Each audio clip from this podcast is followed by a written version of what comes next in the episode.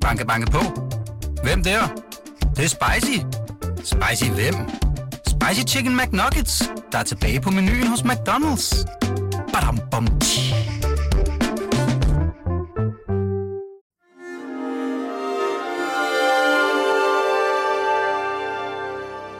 Du lytter til Avistid, en podcast fra Weekendavisen. Jeg er på vej ned til studiet her med Arne Hans, og kommer forbi Ditte Ockmann her tilfældigvis, der sidder og forbereder. Vi deler jo studie. Ja, ja. Det er jo, der er et fællesmængde mellem øh, det, vi taler om, og Avistid med Arne Hans. Jeg har det sådan med den her uge, Ditte, at jeg ikke kan finde ud af, om det er historisk eller mest bare mærkeligt. Hvad synes du? Øh, mest bare mærkeligt. Ja. Det her er Danmarks øh, nye regering. Her er øh, det hold, som øh, tager ansvaret på vores fælles skuldre.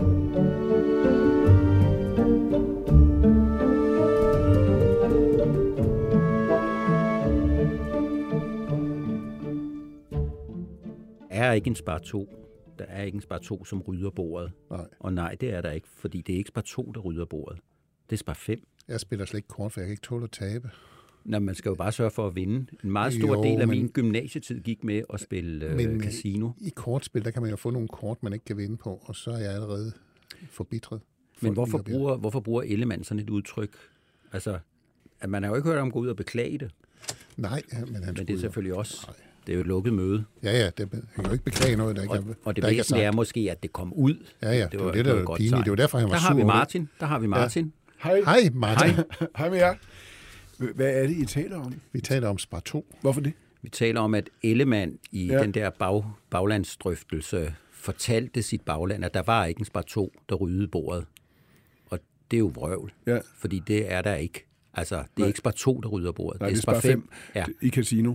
Ja, lige præcis. Du kan mm. spille casino. Jeg spiller virkelig meget casino. Hans kan ikke spille casino, for han kan Jamen, ikke lide at spille kort, for Jeg han kan spiller ikke lide at jeg tale, spiller ikke, tabe. Jeg, sp- jeg spiller ikke nogen spil, for jeg kan ikke fordrage at tabe. Er det rigtigt? Er det derfor? Er Ja. du en dårlig taber? Sindssygt hvor er det sjovt. Men du kunne jo tage dig sammen, ja. så var problemet Det er jo et løst. spørgsmål om karakter, Hans. Ja, men jeg tror, jeg tror, der er mange ting, man må indse, der er for sent at rette op på. Det er Øh, og lige præcis det tror jeg ikke, jeg kommer videre med. Vi, vi, skal, vi skal til, til det her. Øh, jeg har det sådan i de her dage, at jeg ikke rigtig kan finde ud af, om det her mest er en helt vildt historisk begivenhed, vi ser, eller mest er en helt vildt mærkelig begivenhed, vi er vidner til. Jamen, det, det er jo begge dele, fordi det er jo historisk, fordi det er mærkeligt. Altså, det er det der med interessante tider. Mm. Øh, det er, det ville være interessant, hvis vi ikke var midt i det, som Er, Obama engang er, føler du dig grebet? Ja, jeg synes, det, er- det, er, det er vildt spændende at se på. Og jeg, og, og jeg synes, det er jo fascinerende, fordi man slet ikke kan se, hvor det her det ender. Ja. Øh, derfor er man jo virkelig øh, sådan i et vadested, fordi normalt kan man godt regne ud, hvad politik ender med, men her er vi ude i noget. Det har vi ikke set før. Vi ved ikke, om det ender helt katastrofalt, eller det bliver en kæmpe succes. De er fucket med dramaturgien, og det er spændende, Arne. Ja, altså for nu at sige det helt kort, den her valgkamp og dens forløsning i en ny regering er det mest vildt interessante, jeg og sikkert også Hans har oplevet den tid, vi har været politiske Hva, hvad, er journalister. det, hvad, er det, der, hvad er det? Det er. Jo, men altså, at flertalsregering hen over midten, fundet på af en desperat gambler i skikkelse af Lars Løkke for under fire år siden, som smadrede det borgerlige Danmark i en kædereaktion. At der kan opstå en situation, hvor de erfarne midterpartier bliver nødt til at tænke sig grundigt øh, om. og som nu er endt med, at hans kække idé er forvandlet til, til virkelighed. Der står sådan en kæmpe Ja. midterregering nu, som ja. isolerer fløjene på hver sin side. Altså, det er, det er vildt fascinerende. Og man kan se det på de, alle dem, der professionelt beskæftiger sig med at fortælle, hvad der foregår. Det, altså, altså det, det er også det, du siger, at Hans, uh, manuskriptet, dramaturgien er forandret. Hvad er det for et manuskript, eller hvad er det for en dramaturgi, hovedpersonen, Mette Frederiksen lige nu, har lagt ned over det, kulminationen på det her forløb i den her uge?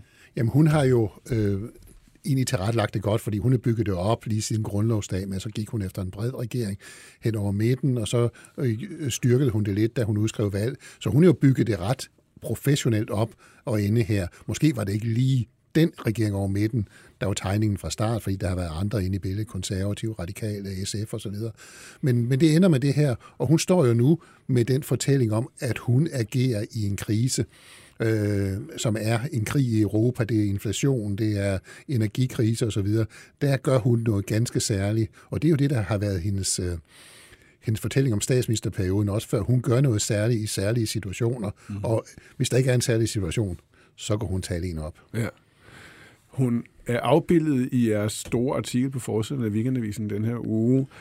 I den hermelinskåb, er det en hermelinskåb? Er det en mink? Er det Mink, øh, er, Vi, vi, vi tænker en, mink, men vi, vi har ikke så meget forstand okay, på, hvordan det er i hvert fald det er jo sådan ja. en konge-dronningekåbe. Ja, ja. Øh, der er noget re- og- og- royalt adeligt over det, som hun havde på i en stor artikel, I skrev under coronakrisen. Nu har hun den samme på. Hun er vendt om. Nu er det så Lars Lykke og Jacob Ellemann, der bærer kåben. Ja. Det er ret øh, elegant. Der er mange symboler i det. Vennekåber og, Det er meget smukt. og folk, der bærer slæbet. Og- og- Ja, og røde og blå lapper. Nej, blå og, og, og lilla lapper Ja. på det røde, ikke? Jo, nemlig. Det, som, som man lægger mærke til jo, øh, når man hører dem tale, lige med det samme på pressemødet der onsdag, det er ordet arbejdsfællesskab. Politiske partier, som nu indgår i et arbejdsfællesskab. De kan simpelthen ikke sige det ofte nok. Ja, det, det er et mærkeligt ord. Jeg har prøvet at slå det op forskellige steder, og det findes ikke rigtigt i nogle ordbøger. Der står ligesom, at det ikke rigtig blevet defineret. Der, det har ikke nogen mening endnu. De, de har konstateret, at det findes, men ikke ved, hvad det betyder. Hvad Ja, der, betyder altså, der, der er nogle ordbøger, som tager det op. Jeg tjekkede det. Øh, altså, det minder mig om min tid, da jeg boede i kollektiv i 70'erne. Øh, der er sådan noget ubehag ved ordet. Altså, nu har vi arbejdsweekend, så skal vi tømme et eller andet i en kælder eller et eller andet. Så der ligger også i det her, og det er rigtigt, det er mærkeligt, altså at sige sådan noget. Der ligger en midlertidighed i det. Det er noget, vi lige får ordnet i løbet af to år, fire år, seks år. Vi aner ikke noget om det, fordi det, de lige skal ordne, det er samtidig kæmpe stort. Der står i præamblen til det her kæmpe regeringsgrundlag en masse internationale kriser, som man skal have styr på, og øh, Danmarks øh, sammenhængskraft osv. Og det er jo noget, der tager lang tid. Så det ord, det signalerer, at vi aner ikke, hvor længe den Ja. her midlertidighed øh, er der, og om den skal være permanent. Det signalerer også noget andet. Jamen, hjemme, hvor jeg bor, der har vi sådan en årlig havedag, hvor vi så maler havemøbler og klipper hæk og øh, vasker trapper og sådan noget. Og der er jo ingen, der kan lide det. Mm. Der er ingen, der bryder sig om det, men det er det nødvendige. Det er det, vi skal have gjort, for at vi kan bo der resten af året. Det er fornuftigt, det er nødvendigt, det er teknokratisk, det er ulidenskabeligt, men hvordan kunne man, kunne man aflæse de her følelser i, i, i ansigterne på de tre hovedpersoner øh, i den her uge? Vir, de virker jo ikke De virker- fuldstændig de- nej, altså, de- de- ligeglade eller De synes, jo modvillige. selv, de synes jo selv, de har lavet noget stort også, og det har de jo også. De har jo lavet ja. noget, som vi, uanset hvordan det ender godt eller skidt, så er det historier på en måde. Og det har de lavet sammen, og de har øh, fundet en vej sammen, de her meget, meget forskellige, både politisk forskellige, men også personmæssigt meget, meget forskellige. De har altså fundet ud af et eller andet, som ser ud til at kunne virke. Jeg tror, de har haft en god proces, som man siger, op på Marienborg, hvor de ellers har forhandlet. Jeg tror, de har en fornemmelse af, at de har talt sig ind på hinanden. Den stemning, der har været på Marienborg, jeg kan kun tale for mig selv, det er jo en stemning af, jamen, nu skal vi jo ikke slås. Øh, de, de har udstrålet det øh, Hvad siden tror, du, regeringen. hvad tror du, det er, de har fundet hos hinanden? Hvad er det for en fælles mængde, de har De skal fundet? finde ud af at, at sænke paraderne. De skal finde ud af ikke hele tiden at tænke i, hvad kan jeg gøre, der gør mest muligt ondt på modstanderen, som lige pludselig er blevet til en medstander. altså øh, samtidig med, at man skal varetage interesser, der gør, at ens eget bagland ikke flækker eller bliver surt eller ked af det osv. Jeg tror, at de har fundet ud af, at de turde tale. Det er jo ikke helt uset i politik, at man laver forlig hen over midten. Det er det mest normale. Men at i de helt store linjer fandt de ud af, at de turde have tillid til hinanden. Ja. Altså, hvis man sammenligner med det der det sorte tårn og Torning-regeringen, så havde man sådan en fornemmelse af, at det gik ud på, hvem kunne øh, smadre de andre mest muligt, hvem, hvem kunne, kunne de radikale kræve noget, der gjorde rigtig ondt på SF, så ville det være rigtig fedt. Den stemning har ikke været her. Til gengæld så er vi jo alle sammen meget optaget af, hvem har fået mest ud af det.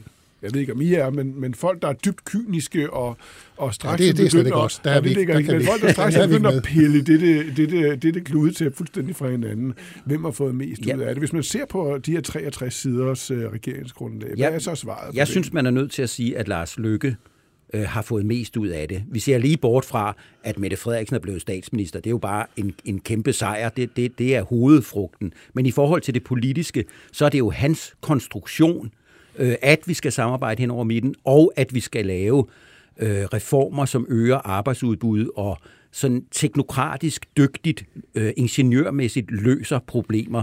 Det er ikke Mette Frederiksens sang, som vi har hørt den de sidste mange år. Til gengæld har Socialdemokraterne vundet øh, de vigtige håndterende ministerier, så det bliver dem, der skal øh, formidle samarbejdet om de arbejdsudbudsreformer, der kommer.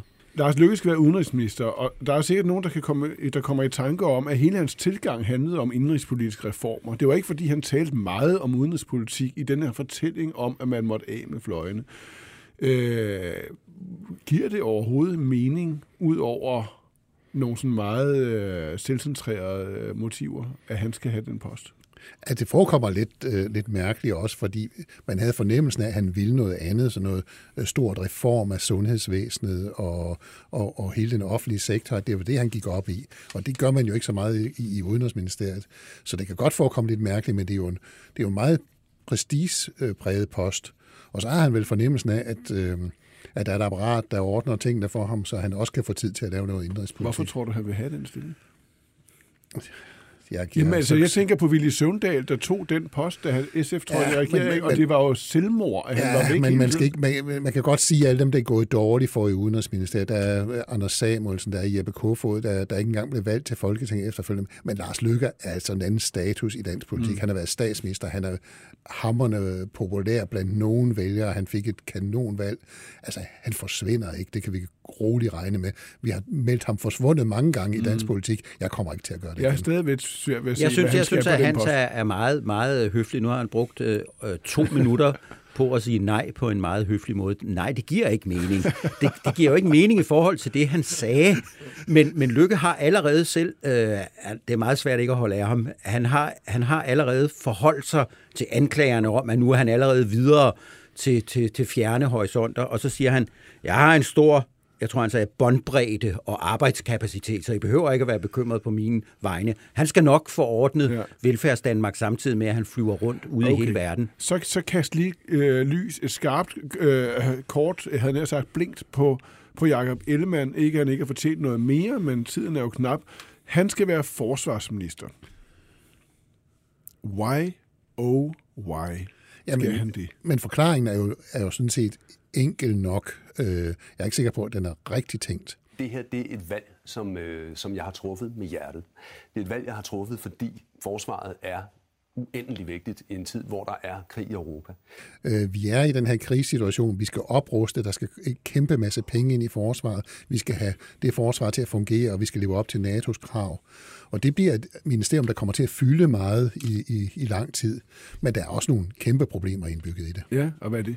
Jamen for det første, øh, når han har lavet et forsvarsforlig, og det har man jo på et tidspunkt, så er der drift af et forsvar, som er fyldt med bøvl og ballade og missilsystemer, der ikke kan skyde, og helikopter, der ikke kan flyve, og fly, der ikke er leveret til tiden. Og hvorfor har vi ikke noget luftforsvar af artilleriet og mm. alt det der, som man nu taler om, og masser af vrede pensionerede officerer, der altid kan finde fejl.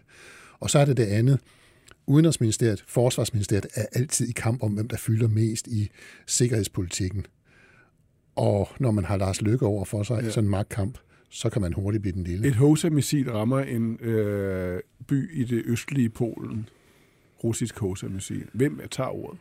Ja, det er jo det. Er jo det. Hvem, hvem er den hurtigste? Øh, det kan både være statsministeren, og det kan være udenrigsministeren, og det kan også være mm. øh, forsvarsministeren. Men man må næsten sige, at han har valgt et ministerium, som jo ikke er en sparto, der rydder er, er, det, øh, er det dårlig rådgivning, eller er det bare ham, der ja, siger, jeg, det, det her det skal jeg have, det er mig, jeg har jeg jo været udsendt? Jeg, jeg tror på, at det er rigtigt, når han siger, at han selv har valgt det, og han siger jo, at han har valgt det med hjertet, og det er, jeg synes ikke, det er klogt at, at vælge med hjertet mm. i, øh, i politik. Det virker faktisk, hvis man lige må psykologisere lidt, som om han stadigvæk ikke selv synes, at han under opbygning som partileder, som minister, som, som stor mand i Danmark, og så vil han ind i en verden, som han virkelig brænder for, ja. og håndtere den verden. Øh, jeg synes, han skulle Nej, det synes jeg selvfølgelig ikke noget om. Men man kan sige, det er en spar Jo, tre. du kan- du det, kan- det- Nej, jeg mener ikke noget om. Det er, en- det er, det er en ruder fire. Okay. Godt. De her Socialdemokratiet nævnte lige før. Øh, nu skal vi til at øh, tale om dem. Vi ser på de 23 ministre. Øh, hvad fortæller det øh, ministerhold om Socialdemokratiets øh, hierarki lige nu? Jamen, det fortæller først og fremmest, at magten i Socialdemokratiet er Mette Frederiksen, Nikolaj Vammen. Men det fortæller noget, for eksempel, at Peter Hummelgaard rykker op. Der er jo sådan et kronprinselag i Socialdemokratiet, som man ikke rigtig taler om, fordi man har fornemmelsen af, at Mette Frederiksen sidder i 200 år. Det gør hun også. Så der er ikke brug for en kronprins, øh, der blandt folk, der endnu er født. Der, er- altså, Måske nogle af de, der bliver født næste år, kan være kronprins i Socialdemokratiet. Men Peter Hummelgaard rykker op på en justitsministerpost, som er høj i hierarkiet, Der er mange vigtige opgaver, der venter Justitsministeriet. Og det begynder at tegne sig, at det er ham, man ser som måske den mulige aflyser om øh, 200-400 år. Peter Hummelgaard, først beskæftigelsesminister, så justitsminister. Er det en rejse, man kan genkende? Ja, ja, det er jo Mette Frederiksens øh, egen rejse, øh, og mere kan man jo ikke lægge i det. Det er jo ikke en tradition, der er, at for at blive leder af Socialdemokratiet og statsminister, så skal du have været justitsminister. Det er jo, det er jo nærmest undtagelsen, men det er helt, altså jeg er helt enig med Hans. Det er, det er en kraftig tilkendegivelse af, at det er, altså, det er ham, man satser på. Er det også helt tydeligt, at det er højrefløjen, den traditionelle højrefløj i Socialdemokratiet, der nu fuldkommen har sat sig på det parti? Der er ikke, Nej, nej. Ja, de har sådan set siddet der længe jo.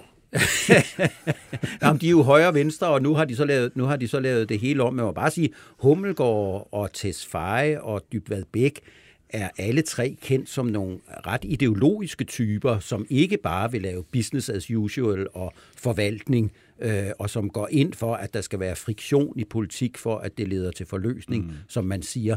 Øh, og de er Siger jo, man det? Det siger man. Okay. Ja, ja. altså mand. Ja, ja, ikke- det ja, er ja. anonyme mand. Øh, og og øh, de er jo taget ind på holdet, hvad der, hvad der er meget klogt af mange grunde, både fordi de er dygtige, men også fordi, så har man dem inde i teltet alle sammen, som ellers skulle finde på at stå uden for teltet og lave onde gerninger ind i teltet. har de ret dem, der siger, at øh, regeringsgrundlaget afspejles øh, måske mest med de ministre, øh, som Socialdemokratiet har fået, som viser, at det er Socialdemokratiet, der har sat sig mest markant på den her regering. Jamen, Det, de har simpelthen vundet de, altså de mest markante poster. De har- Udenrigspolitikken, forsvarspolitikken, det er ikke det, der kommer til at være afgørende i de år. Jo, forsvarspolitik og udenrigspolitik kommer også til at være afgørende. Vi er midt i en international krise, men det er rigtigt, alle de ministre, der skal forvalte alt det her øh, reformarbejde, men det er da ikke sikkert, det er så lækkert at sidde og, og forvalte alt det her, for det er jo reformer, som Socialdemokratiet lige indtil for lidt siden synes var noget blå i det. Ikke? Mm. Det er to kulturer, der møder hinanden. Nu skal vi se, hvad de to, øh, de tre partier kan, men særligt S og V. Rit Bjergård fortalte i et interview forleden om det første ministermøde i 78, hvor der sad socialdemokrater og venstrefolk, og hvor der sad to gamle landmænd henover øh, og røg en cigar hen over hovedet på hende. Altså, det var to forskellige inkompatible, viste sig, øh, kulturer. Er det stadig det? Ikke, ikke på samme måde. Altså det, det var meget mere udtalt tidligere. Øh, politik er jo blevet et sted for, øh, for politter, øh, og de ligner jo hinanden på mange måder, dem der går ind. Om, om de går ind i det ene parti eller det andet, er, kan tit være tilfældigheder. Men selvfølgelig er der forskel på de to partier i politisk tilgang. Kulturelt er der ikke så meget forskel mere. Venstre var engang et diskuterende parti, et højskoleparti, men det er jo blevet disciplineret fra få og frem efter, så det minder mere om Socialdemokratiets hierarkiske måde at være parti på. Mm. Så kulturelt er der ikke så meget forskel. Mm. De har jo siddet og drukket på toga øh, sammen. De fleste af dem, der er politikere Så i dag. Toga er jo en vinstue i det indre København. Ja, mm. ja. Øh, men man, man kan sige, at altså, begge partier er jo tidligere store folkepartier, øh, og, det, og det har de jo til fælles. Øh, men de har en forskellig tilgang til, øh, til, til individet, som man måske fraseagtigt kan sige, at for, for venstrefolk der er staten et øh, nødvendigt onde, og for socialdemokrater der er det et nødvendigt gode. Øh, de, de, de to holdninger konvergerer også imod hinanden, for alle er blevet opslugt af velfærdsstaten øh, og forsøger at forvalte den ud fra deres egne grundopfattelser. Men de har først og fremmest haft hinanden som hovedmodstandere, fordi det har været de to dominerende partier i de to blokke, som nu sidder i øh, venteværelset. Så man har hele tiden holdt øje med den anden som en fjende. Det er, det, det er der kulturforskellen nok er vigtigst. Man venter hele tiden, at der kommer en eller anden mm. og, og, og vil gøre en det ondt.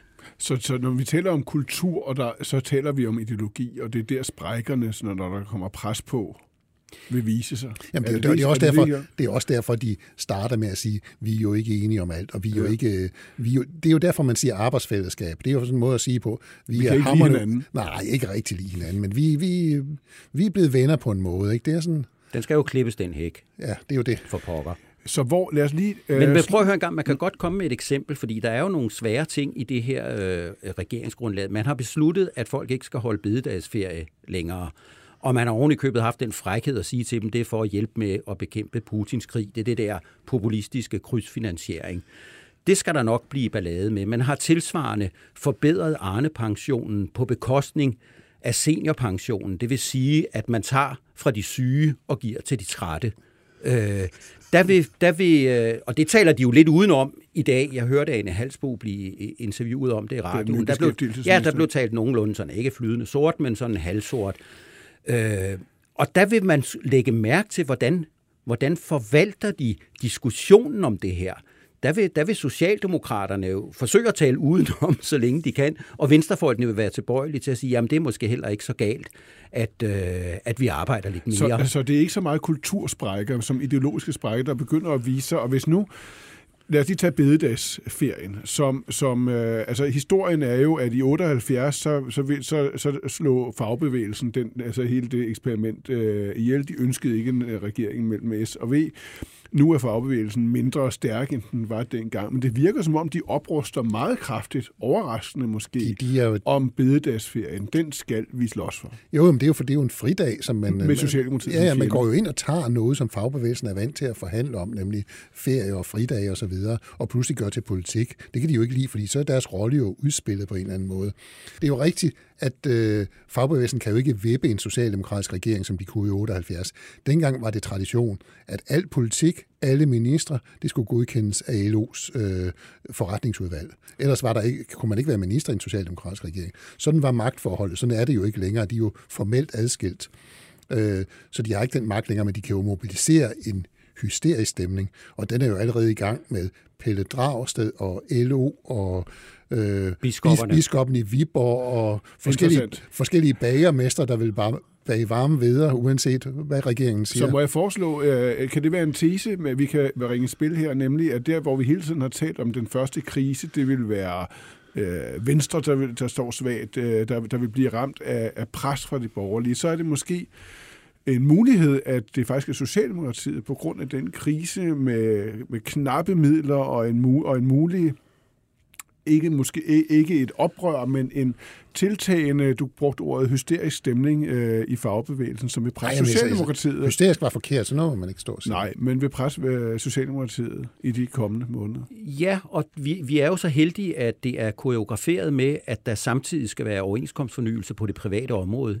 Og de overenskomster så i forvejen særdeles svære ud. Selvfølgelig fordi der er en meget høj inflation, og det vil presse lønnen lønkravene op. Ja. Så kommer oveni, at man siger, vi snupper lige jeres feriedag. Præcis. Og der har du altså masser af mennesker, også folk, der får løn for at være det, fagbevægelsens netværk, som kan gå ud og sige, hvad pokker er det her for noget. Øh, der vil komme en test af, af Socialdemokratiet, fordi det er dem, det gør mest ondt på. Og her er det jo vel ret simpelt at forudse, at socialdemokratiske ministre ikke vil tale med samme stemmeføring eller i samme stemmeleje som venstreminister, når det handler om om det arbejdende øh, folks rettigheder. Nej, for det er Socialdemokratiet, der kommer under angreb. Venstrefolkene kan tage det her meget mere roligt. Mm. Det kan godt være, at nogle af deres vælgere er vrede over at få taget deres fridag, men der er ikke en kæmpe organisation bag. Men fagbevægelsen får jo altså også meget i det her regeringsgrundlag. Jo, men pludselig ligner det jo 1978 mere, end man egentlig havde troet. Ja, lad os nu se. Lad os nu, lad os nu se. se. Altså, du, du, du sagde det selv, det nye LO er, er meget svækket i forhold til for I, I 78 havde man også den, det problem, at der var simpelthen ministre i regeringen, der gik og konspirerede med LO om, hvordan de skulle få vippet den her regering. Svend Augen for eksempel. Den man har, mand. Man ja. har fornemmelsen. Og i øvrigt sammen med LO's cheføkonom Poul Nyrup. Den endnu pænere mand. Tænk engang, at de gjorde det. Ja. der sidder jo også nogle skuffede socialdemokratiske eksministre derude. I høj grad. Så dem skal vi jo Dem skal vi have holde øje med. Dem skal vi lige have fat i. Man har fornemmelsen, at viljen til samarbejdet her er ægte. Her afslutningsvis, som man siger, Arne og Hans, jeg tror ikke, at det holder enormt længe, det her. Jeg har på fornemmelsen, at sprækkerne vil vise sig, og det vil brede sig hurtigere, end man skulle tro. Hvad tror I? Jeg tror, det, øh, det er ren intuition. Det, det, det kan ikke belægges med andet end intuitive fornemmelser. Jeg tror, det holder længere end som så. Mm. Sprækkerne er jeg enig med dig i, de vil vise sig. Men jeg tror, de holder sammen om at forsøge at vise, at det var faktisk fornuftigt, at de sad, var det 43 dage på Marienborg. Fordi de har lagt så meget selvfølelse, så Ja, store og de, har, dele af deres og, ego ja, og, i de det har, her. og de har flertallet for pokker. Mm. Jamen, jeg tror ikke så meget, øh, fordi jeg, sy- jeg synes jo, det er det interessante ved det her, det er jo alt det der historisk mærkelige, som vi startede mm. med, at man simpelthen ikke ved, hvor det ender. Ja. Det er så fantastisk. Gud, hvor er det dejligt. Vi ved ingenting. Og, Ja, det, er- og det står vi ved. Ja. Det er faktisk det, vi ved. Vi er stolte over at være Det er blanke. vi ikke ved. Det var ugens avistid med Hans og Arne.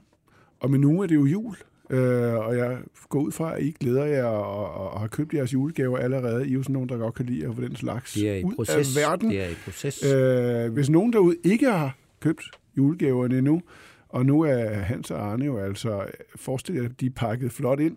Tjek lige weekendavisen skråstreg julegave.dk. Der er et godt tilbud på en julegave.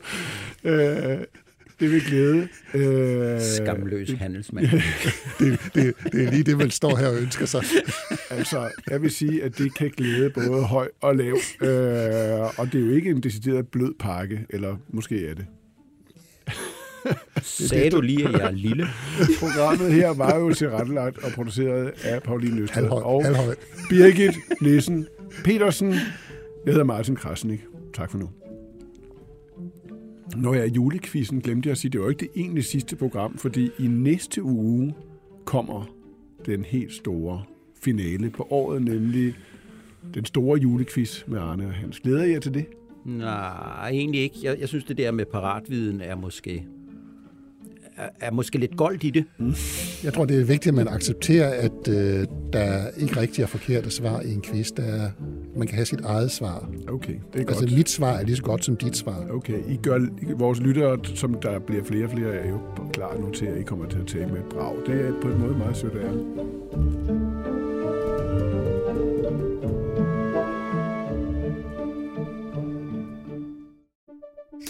Banke, banke på. Hvem der? Det, er spicy. Spicy hvem?